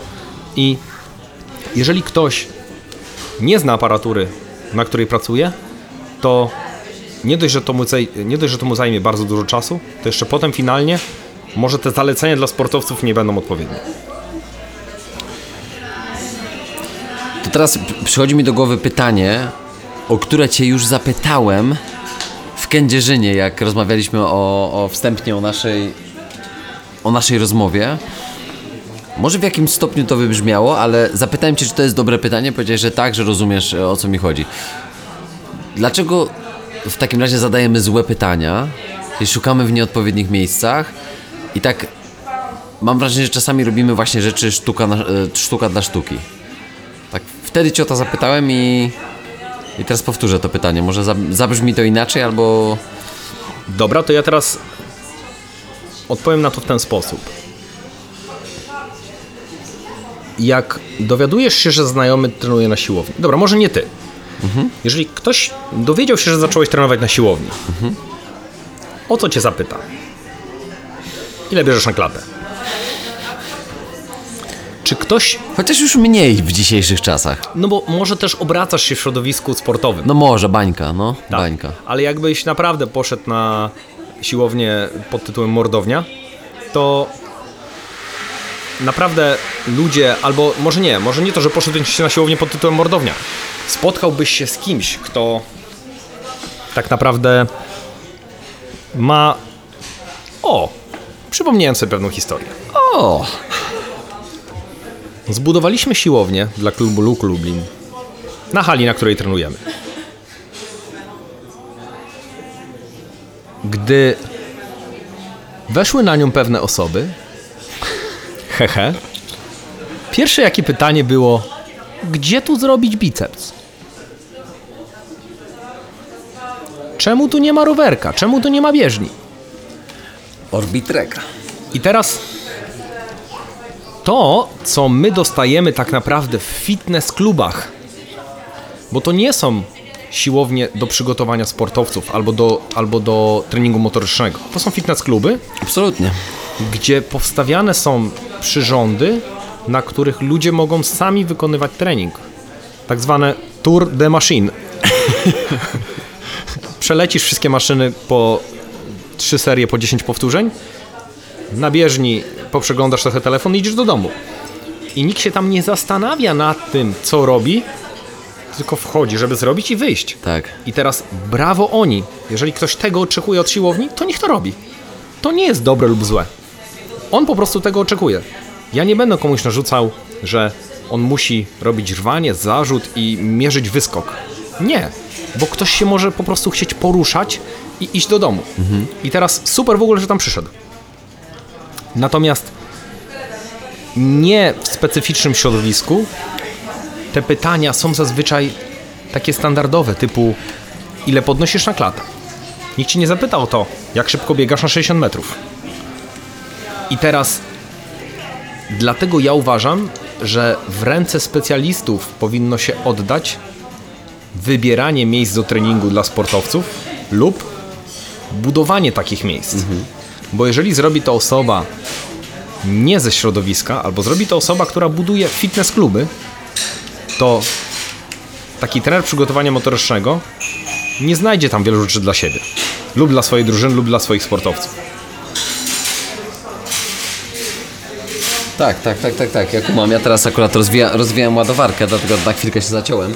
Ale, ale o to właśnie, właśnie mi chodziło, nie? że jak Ci zadałem to pytanie, dlaczego szukamy w nieodpowiednich miejscach, to z jednej strony chodziło mi, e, chodziło mi o, o, o to pytanie dotyczące dotyczące właśnie tego, dlaczego, dlaczego w sporcie no bo mam wrażenie, że, że, że na, choćby w piłce nożnej, czy w innych klubach siatkarskich, czy nawet w innych reprezentacjach, mam wrażenie, że nie pracuje się w taki sposób, o jakim my teraz rozmawiamy. To nie jest standard.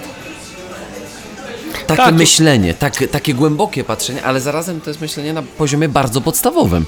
Jak mówimy o tych, o dynamometrze, o ankietach, o obciążeniu wewnętrznym, o obciążeniu zewnętrznym, o poczuciu obciążenia subiektywnego i o policzeniu tego obciążenia obiektywnego, prawda? Mam wrażenie, że to nie jest standardem. Nie? I że mam wrażenie, że myślimy o tej prewencji urazów, o którym Cię zapytałem, prawda? I myślimy, no tak, no musi robić przysiad, push press, wcześniej wspomniany martwy ciąg. I Tak, wiesz, jak najbardziej, natomiast ma być e, silny. zgadzam się z Tobą, ale zdaje mi się, że jest to po prostu związane z tym, kto trafia do ludzi w jakim stopniu. Okej. To znaczy, najsłynniejsi trenerzy na świecie? Trenerzy z Instagrama. Jakbyśmy weszli na taki, że tak powiem, profil trenera gwiazd, ci ludzie mają prawie po milion obserwujących. Natomiast jeżeli weszlibyście sobie na Instagram do ludzi, którzy mają w szafce paczkę medalów olimpijskich ze swoimi sportowcami, to oni mają bardzo często prywatne profile i tysiąc obserwujących. Oni nie chcą trafić do takich, do takiego ogólnego społeczeństwa, bo oni tak naprawdę zajmują taki bardzo wąski kawałek tego sernika, jeżeli chodzi o trening.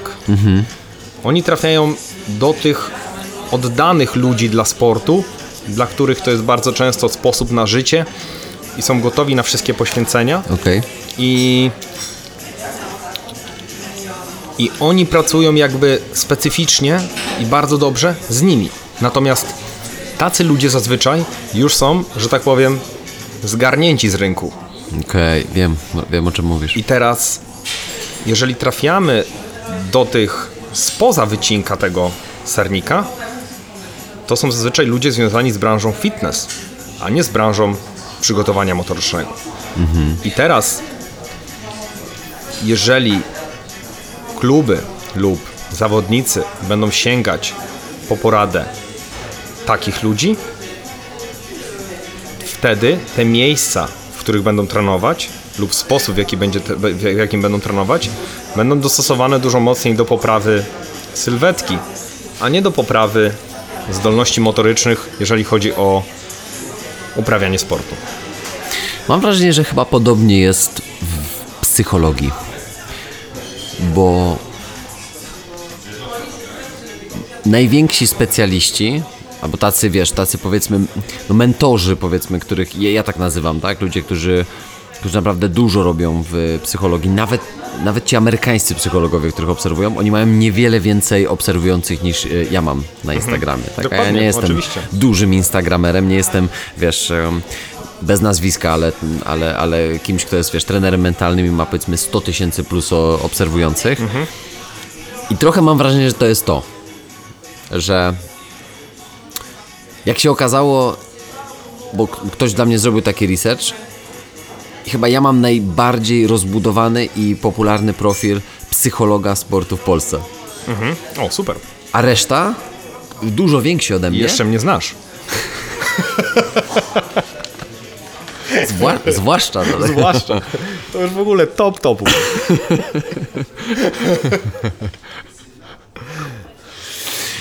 Zgubiłem wątek. I, I to reszta to są trenerzy mentalni, nie? Albo trenerki mentalne, którzy, którzy powiedzmy, nie wiem, nie chcę nikomu uwłaczać, nie? Ale chodzi właśnie o to, nie? Że tutaj jakby ta grupa osób mam wrażenie, że uderza w trochę inny, inne środowisko.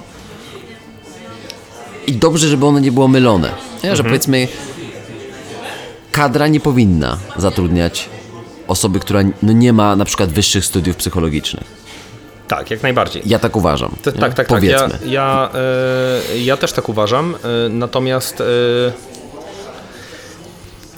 to, co w tym momencie poruszyłeś, to jest taki chyba dość głębszy problem i wydaje mi się, że jest na to miejsce nawet na, na osobny podcast, ale w, tym, w tych wszystkich problemach, o których my w tym momencie mówimy, mam wrażenie, odpowiedzią jest brak weryfikacji. Czyli jeżeli miałby to kto weryfikować, czyli na czele, na przykład, nie wiem, na czele jakiegoś związku sportowego stoi psycholog uznawany w kraju i on dobiera ludzi do poszczególnych kadr i grup wiekowych, jeżeli na czele odnogi przygotowania motorycznego stoi ikona przygotowania motorycznego w Polsce, szanowana i wykształcona pod tym kątem na terytorium Polski i ona dobiera specjalistów i weryfikuje ich wiedzę, to wtedy mielibyśmy możliwość e, kontrolować, kto gdzie się znajduje i w jaki sposób też jakby są budowane standardy dla jego pracy. Natomiast w tym momencie jakby takiej weryfikacji nie ma i to jest wiadome, czemu takiej weryfikacji nie ma. Bo taki specjalista, o którym my w tym momencie rozmawiamy, w prywatnym ośrodku lub na prywatnych konsultacjach zarobi w tydzień tyle, co przez 10 lat pracując w takim związku. Więc, No. e, więc jakby finalnie rozbijamy się tutaj o to, że ta konkurencja będzie tam duża, gdzie jest duże wynagrodzenie, a duże wynagrodzenie jest w sektorze prywatnym, To prawda. więc tam jest duża konkurencja. I teraz. E, no nie wiem, czy chyba muszę coś jeszcze tutaj więcej mówić. Nie, bo tak, tak, tak myślę, że, że, że tak jak wspomniałeś, to jest pewnie, to jest pewnie dosyć grząski grunt, który, który, w który jak już wejdziesz, to musisz, musisz kopać, nie? Musisz, musisz wejść dalej, nie możemy tak, sobie po prostu, wiesz, okej, zostawimy to na teraz, ale myślę, że, że to tylko, ja pomyślałem o tym, że, że jest właśnie pewna zbieżność i ja mam wrażenie, że ty masz podobne podejście do mnie, że to nie jest tak, że mnie boli to, tak, że są jacyś tam specjaliści, prawda, bo... nie, w ogóle nie. Bo trener mentalny czy trenerka mentalna mogą być lepsi ode mnie w tym, w, w, tym, w tym, co robimy, w tej, samej, w tej samej branży. Ja nie mówię, że oni, oni nie są. Bo ja też byłem w pewnym momencie w tym położeniu, nie? że startowałem wie, wie, z jakiegoś tam poziomu. Tutaj ci przerwę. No. I to jest właśnie to, czemu ty nie masz nic nikomu za złe, ani nikomu nie życzysz źle. Powiedziałeś takie zdanie. Też st- startowałem w tym położeniu. Tak. Zarówno ja, jak i ty byliśmy na pierwszym schodku, byliśmy na drugim, na czwartym, jesteśmy na dziesiątym. Prawdopodobnie może kiedyś będziemy na pięćdziesiątym. Ale jak ktoś nas zrzuci na schodek poprzedni, to my tam byliśmy, my wiemy jak tam jest i my wiemy jak zrobić ten krok na ten kolejny schodek. A bardzo często jest tak, że ktoś jest z tego pierwszego schodka wrzucony na dziesiąty i on się boi. On się boi, bo on nie wie. On nie wie, jak tu dojść. On tutaj doszedł, bo ktoś mu w pewnym momencie podał rękę. I rozmawialiśmy o tym. To, że ktoś ci podaje rękę, to jest jak najbardziej ok. Tak. Tylko teraz pytanie, czy on ci podaje tą rękę dlatego, bo ty jesteś specjalistą i on chce z tobą pracować, czy on ci podaje tą rękę dlatego, bo jesteś z układu i musisz tam być. Tak. To znaczy, jeżeli ktoś ci podał rękę i wziął cię do pracy w jakimś ośrodku psychologicznym, a ty się stałeś tam najlepszym psychologiem, to nie jest zasługa tego, tej osoby, która ci podała rękę. Bo gdybyś był słabym psychologiem, to ta sama osoba, która ci podała rękę, by powiedziała po miesiącu: No przykro mi, ale nie możemy już dalej pracować ze sobą, bo klienci na ciebie narzekają, bo nie wywiązujesz się ze swoich zadań, bo jesteś słabym psychologiem, nie, nie osiągasz efektów i to finalnie na koniec dnia i tak zależy od ciebie. To ktoś ci wkłada w rękę narzędzie, ale jak ty je wykorzystasz, to jest twoja sprawa. Ja myślę, że, ja myślę, że, że, że puentując ten wątek, miarą skuteczności jest efekt. Efekt, który, który, który daje tą skuteczność, pokazuje, jest prawdą, wokół której się poruszasz. Jeżeli robisz efekt, jeżeli robisz robotę, jeżeli robisz wynik, to znaczy, że jesteś skuteczny w tym, co robisz. To znaczy, że prawda, którą się posługujesz, jest w tym momencie aktualna. Tak. I to, że ktoś ci tą rękę kiedyś podał, może komuś potwierdzić to, że zrobił to su- słusznie, czy z słusznych powodów, czy podjął dobrą decyzję, tak jak na Dokładnie. przykład właśnie Mateusz Grabda, który, który zbudował ten sztab, otaczając się ludźmi, którym ufa, otaczając się nami, ludźmi, z którymi ma dobre relacje, ale to nie dlatego jesteśmy w tej kadrze, bo mamy dobre relacje. Dokładnie, bo każdy z nas jest tutaj specjalistą. Ale gdybyśmy nie robili, nie wykonywali swojej pracy i kadrowicze, którzy wiemy z, z przeszłości, że nie gryzą się w język, dawaliby raz po raz kolejne sygnały, że przygotowanie motoryczne kuleje, bo pan od WF-u nie jest przygotowany, albo mentalista za 2 300 jest nieprzygotowany i tu coś trzeba zmienić, to wtedy my, nasza prawda, wokół, wokół której się poruszamy, nie byłaby. Oczywiście, Nie oczywiście, byłaby w jakby- ogóle miarodajna. Nie? Tak, finalnie jakby i tak środowisko weryfikuje. I Ja to bardzo często też mówię na szkoleniach swoim kursantom, że e, czy dla was sukcesem będzie zdanie egzaminu na koniec kursu? Nie. Sukcesem będzie dla was to, że rynek was zweryfikuje pozytywnie. Że kolejne osoby będą mówić o was dobrze. Że ktoś przyjdzie do pracy i powie do swojej koleżanki twój 15-letni syn może iść do niego na trening, jeżeli chce zacząć przygodę ze sportami siłowymi. To będzie waszym sukcesem. Jeżeli wy będziecie wykonywać swoją pracę tak dobrze, że będziecie pomagać ludziom osiągać ich cele, e, że te umiejętności miękkie również będą na wysokim poziomie, że po prostu ludzie będą chcieli z wami spędzać czas. Bo to też trzeba sobie powiedzieć o tym wprost, że o tyle, o ile sportowcy przychodzą do nas do trening, na trening, bo to jest ich praca, o tyle ludzie z generalnej populacji przychodzą do nas na trening, bo to jest ich wolny czas. Oni poświęcają swój wolny czas na spotkanie z nami. Wyobraźcie sobie, że zamiast siedzenia z wami na treningu, on mógłby w tym momencie siedzieć w kawiarni, iść do kina, iść na masaż, pojeździć na gokartach. Nie, on przychodzi do was na trening. Więc jakby to jest poniekąd po pierwsze branża rozrywkowa, a po drugie też forma spędzania czasu dla tych ludzi. I to naprawdę mocno trzeba to podkreślić w momencie, gdy zaczynamy być trenerami, bo e, znam wielu fenomenalnych, ale naprawdę fenomenalnych specjalistów, którym ciężko o jakiegokolwiek klienta. Przez kompetencje miękkie albo ich brak. Tak, bo ja z nim mogę siedzieć cały dzień i rozmawiać o tym, o każdym centymetrze przysiadu, co się kiedy zmienia, ale jak zapytam, kiedy zmieniał opony na zimę, to mi powie, co zmieniałem? więc, więc jakby gdzieś tam trzeba dojechać na każdym elemencie. Dobra. Pytanie o inspirację i o wyzwania. Co cię najbardziej w życiu inspiruje? Choć z tego, o czym mówisz, chyba troszkę można to wywnioskować, ale, ale i tak chcę ci to pytanie zadać. Bo ty fajnie opowiadasz o rzeczach z pasją. A drugie pytanie o wyzwania w twoim życiu. Czyli do tej pory, jakie było takie największe wyzwanie twojego życia zawodowego? Z jakim się mierzyłeś? Odpowiedz sobie w jakiej kolejności chcesz. Na początku o tych inspiracjach. Dobra. E, Jeżeli miałbym podać jakieś konkretne nazwisko, to nie ma takiego.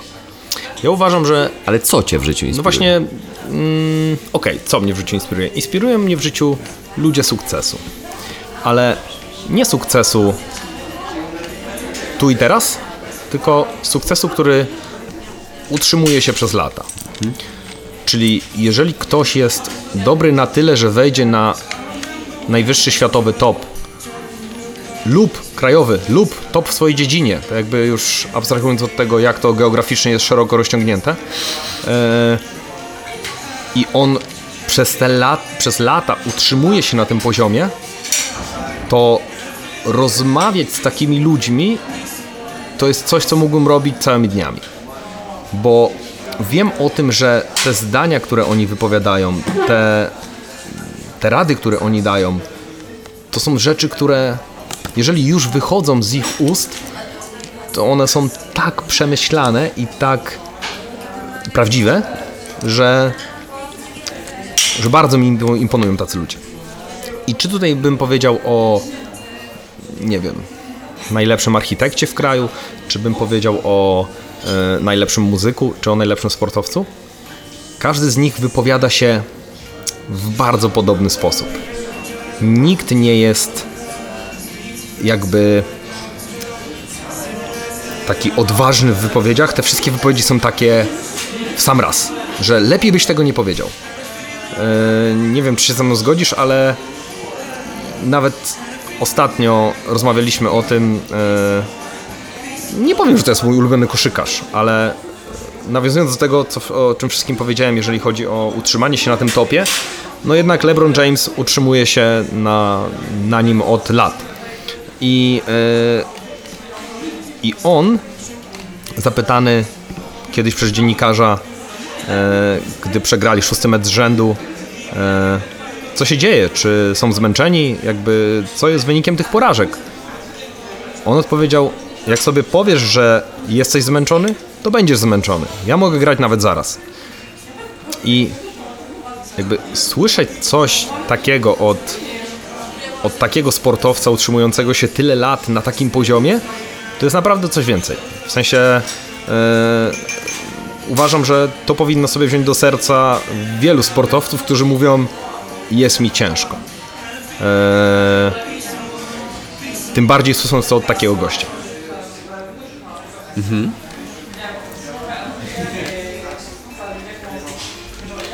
Wyzwania teraz? Ja zaraz komentuję tę inspirację, mam fajną myśl, ale nie chcę też... A wiesz co, co do inspiracji jeszcze? No. E, bo z jednej strony mówię o, o ludziach sukcesu, ale z drugiej strony też e, to, o czym rozmawialiśmy, co, co powiedział Matthew McGonaghy, jak odbierał Oscara. Oscara. Mhm. Tak. I powiedział, że gdy miał 20 lat, jego inspiracją był on, jak ma 30. Jak ma 30, czy to jest to? Nie. Prawdopodobnie jest to on, gdy będzie miał 40. Mhm. Ma 40, czy to jest to? Nie.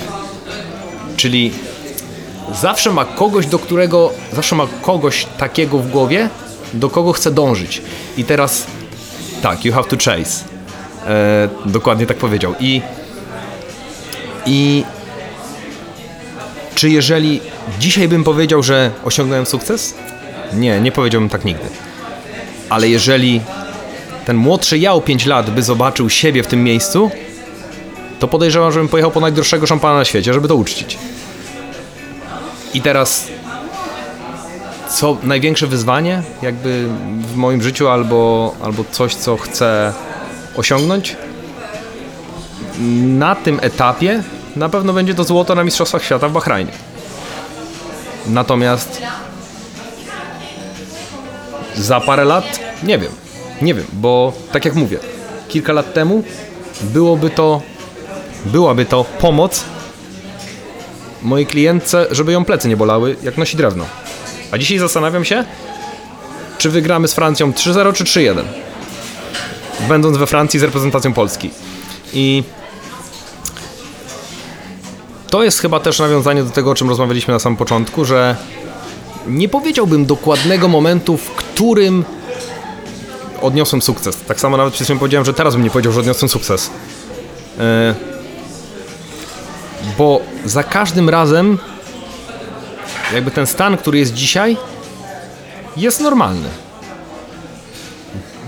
Ale jak przypomnę sobie, jaki był 5 lat temu, no to ten, w którym jestem dzisiaj, jest wow. Badumc.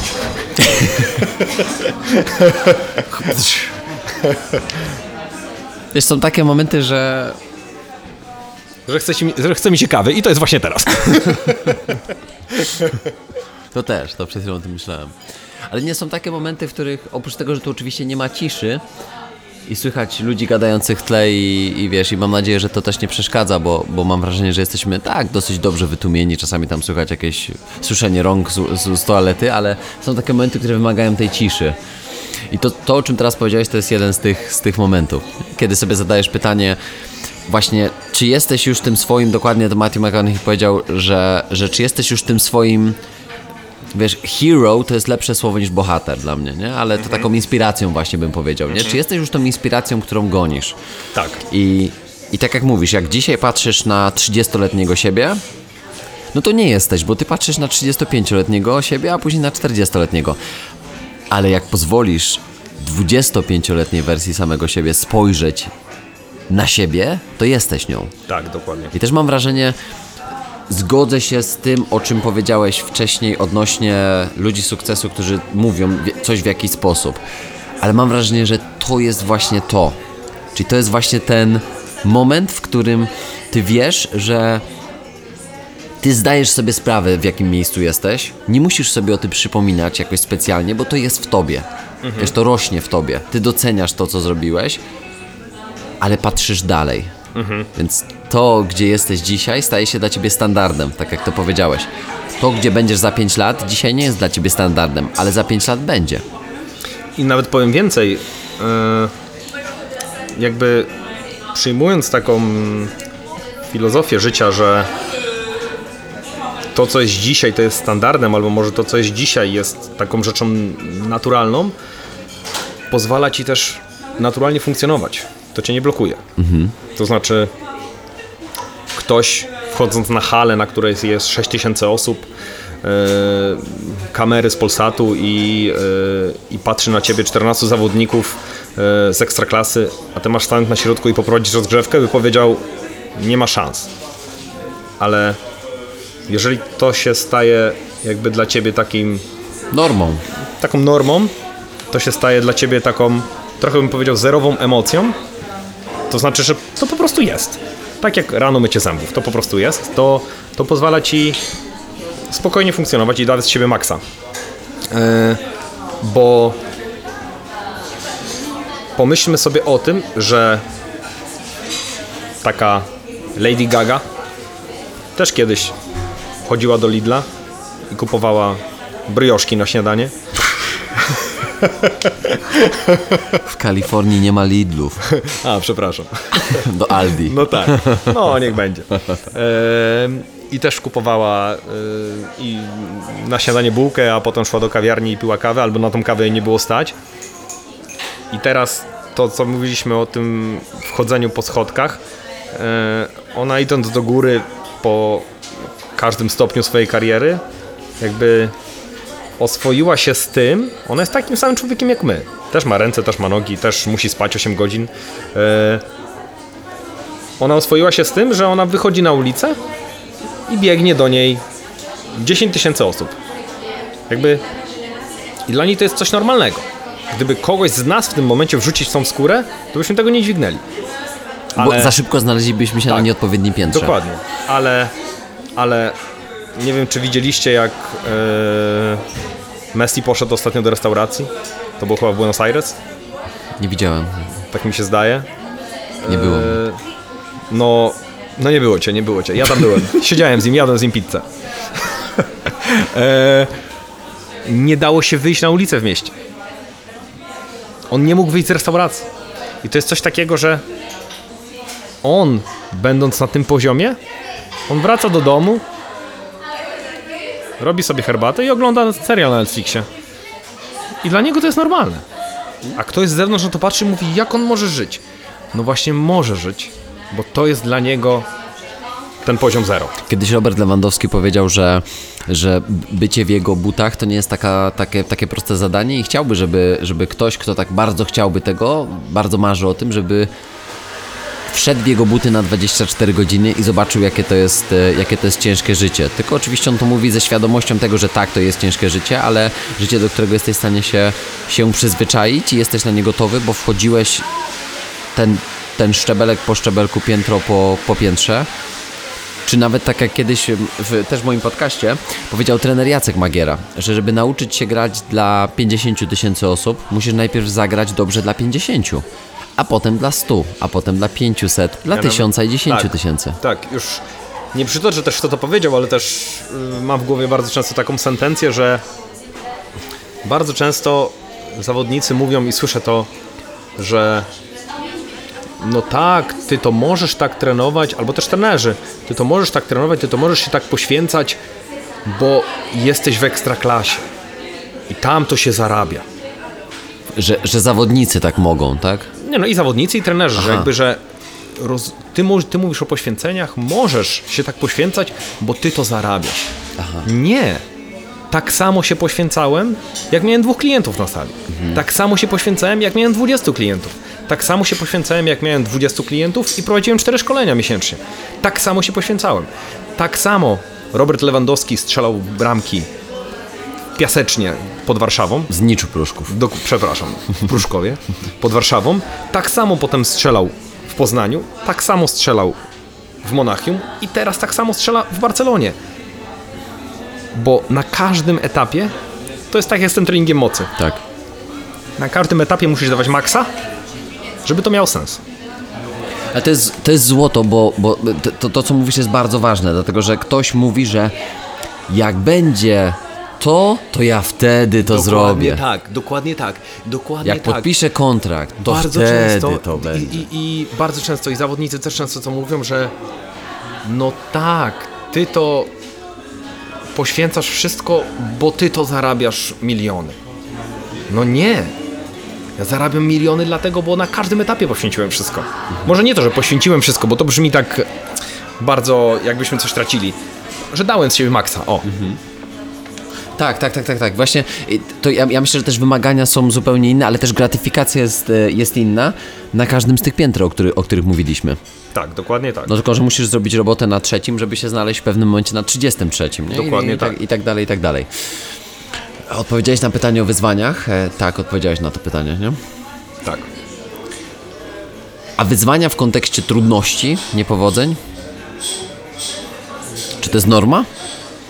W takim sensie, czy wiesz, czy niepowodzenia na Twojej drodze, czy właśnie wyzwania, ale w kontekście nie wyzwania jako, wiesz, cele, tylko wyzwania jako problemy.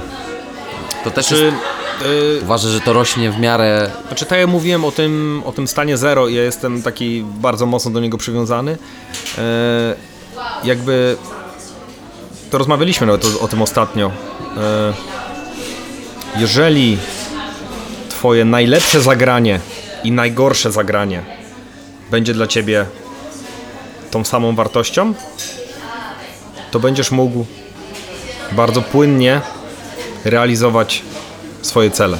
Czyli jeżeli strzelisz najładniejszą bramkę w lidze i nie, nie będzie to na ciebie oddziaływało aż tak mocno, że zaraz trzy następne strzelisz beznadziejnie, to znaczy beznadziejnie strzelisz, nie można strzelić beznadziejnej bramki. E, Jeżeli e, wykonasz potem da się takiego trzy- farfocla strzelić. jeżeli wiesz. potem trzy następne zagrania będą beznadziejne, bo ty się, bo ta bramka cię wprowadziła w taki stan euforii, że ty potem jesteś wytrącony z tego, co dalej robisz, to równie dobrze jak ci nie wyjdzie, to cię to wprowadzi w taki stan, że nic potem z tego dodatkowo nie wyciągniesz. Dlatego bycie na takim nie wiem, czy wiesz dokładnie o czym, o czym mówię, ale bycie Tak, takim... teraz y, pociąg wjechał mi na stację. Tak, bycie takim na takim poziomie zero, że na przykład okej, wygraliśmy, ale spokojnie, bo zaraz możemy przegrać. Tak. Jakby nadal jest robota do zrobienia. Jest ten taki moment, gdzie jest odcinka, wiadomo. Kończy się liga, kończy się, kończą się Mistrzostwa Świata, wieszasz medal na szyi. Mm, Jest ten czas na radość, jak najbardziej. Ale podczas trwania jakiego procesu nie chcę powiedzieć, że nie ma czas na radość, bo jest, ale jest czas na dostosowaną do tego radość. I to, co nawet powiedział Tawan Dujszebajew e, w szatni e, Vive, Po wygraniu, Tak. było tak, w półfinale Ligi Mistrzów. tak, półfinale Ligi Mistrzów po wygranym meczu, e, że panowie, jesteśmy w Final Four, ale to nie jest dzisiaj czas na radość, A Fete? bo w niedzielę mamy mecz do zagrania.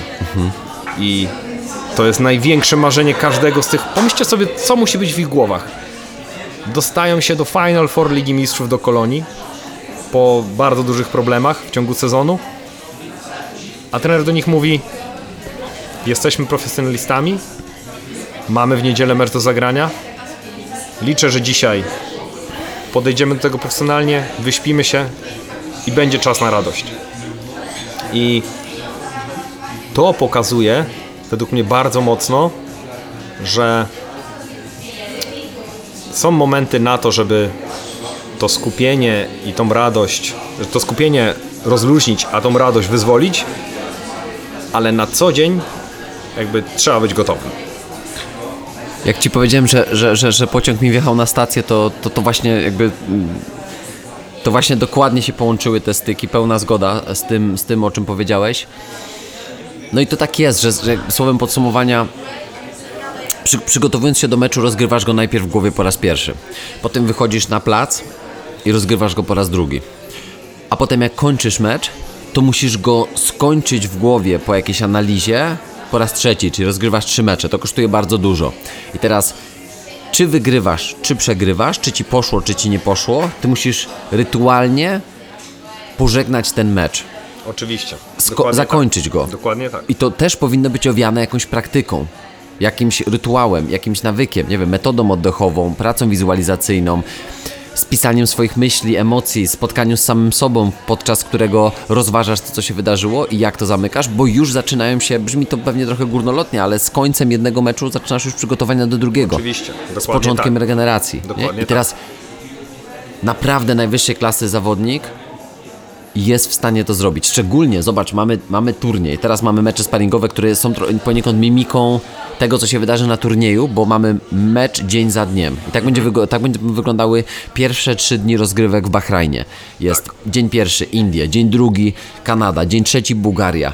Nie ma czasu nawet na to, żeby, żeby te mecze rozegrać w głowie przed, w trakcie po, więc tam będzie miszmasz różnych myśli, emocji, analizy. I teraz my musimy sprawić, też jako sztab, ale zawodnik, który tego słucha, musi sprawić jako, jako zawodnik, sam za siebie musi wziąć tą odpowiedzialność, żeby jak najszybciej wyciągnąć wnioski i zamknąć temat i otworzyć kolejny. I to jest najtrudniejsze. I mam wrażenie, że robienie tego nie, nie jednorazowo, y, nie w jednym mikrocyklu, nawet nie w jednej rundzie, ale w całym sezonie powtórzone przez kilkanaście sezonów daje to chyba o czym ty też mówisz w kontekście tej inspiracji w życiu, czyli ludzie sukcesu, którzy Tak, potrafią wiesz co, powtarzać. wiesz co Mati, ja jeszcze przypomniałem sobie teraz historię związaną z sędziowaniem, bo tak jak na samym początku wspomniałem, e, jestem sędzią siatkarskim. Tak.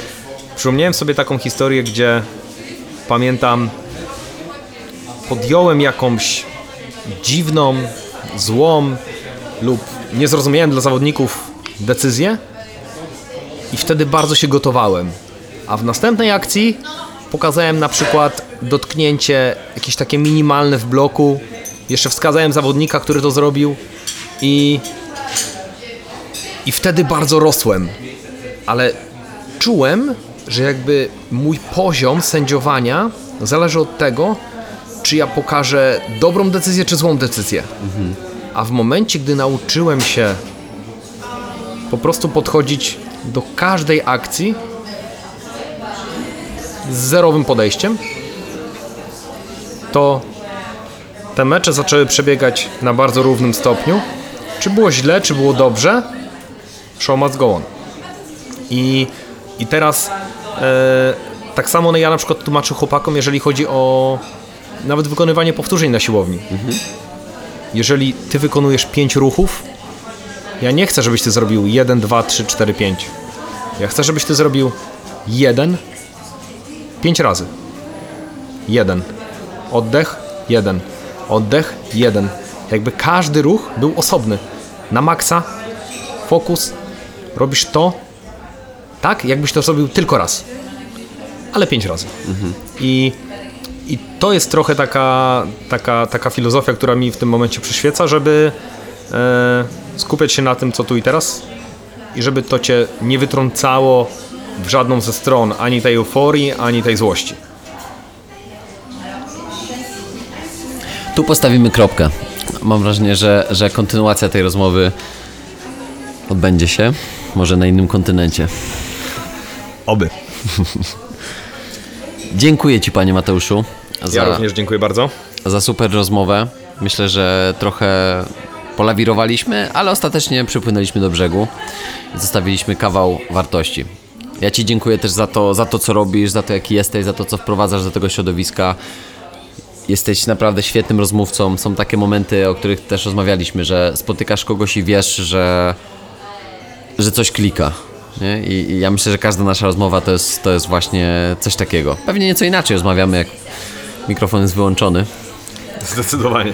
Nie, nie, niesamowite to dla mnie, jak ty przez y, y, ponad 100 minut potrafiłeś się tak bardzo kontrolować. Ale to Przy twoja samoregulacja Przy emocjonalna. śniadaniu nie będziemy się nagrywać. Tak. Ale, ale dziękuję ci też za, za to, co robisz po prostu na co dzień, jakim jesteś, jakim jesteś człowiekiem. Bo... Ja również, Mati, dziękuję bardzo za zaproszenie. Nie, będę nie dam, ukrywał, mi, nie że... dam mi dokończyć. Nie dam. E, również dziękuję bardzo za zaproszenie. E, jest to dla mnie duże wyróżnienie, także Mam nadzieję, że przyjemnie się będzie tego słuchać i że tak jak powiedziałeś, to nie będzie pierwsza, nasza, pierwsza i ostatnia nasza rozmowa. Dokładnie. Do usłyszenia niebawem. Życzcie nam powodzenia. Dzisiaj rozgrywamy drugi mecz w Francji, w Metz z reprezentacją Francji. Jutro po raz kolejny zagramy z Brazylią i kończymy drugie pełne zgrupowanie. Zaczynamy kolejne. No i oczywiście trzymajcie kciuki też za nas w, w przygotowaniach do Mistrzostw Świata. Na pewno będziemy nadawać jeszcze stamtąd. Dziękuję i do usłyszenia 155 odcinku podcastu Champions Way. My wypiliśmy za Ciebie y, podwójne espresso we dwóch, czyli poczwórne, a teraz Twoja kolej. E, Zapraszam Cię do tego, abyś postawił mi wirtualną kawkę na Buy Coffee Tu, wspierając ten podcast i, i myślę, że do, dołączając się do tej naszej dzisiejszej rozmowy, wypij też z nami e, to małe espresso albo jakieś tam większe, które, które lubisz. Dzięki i do usłyszenia.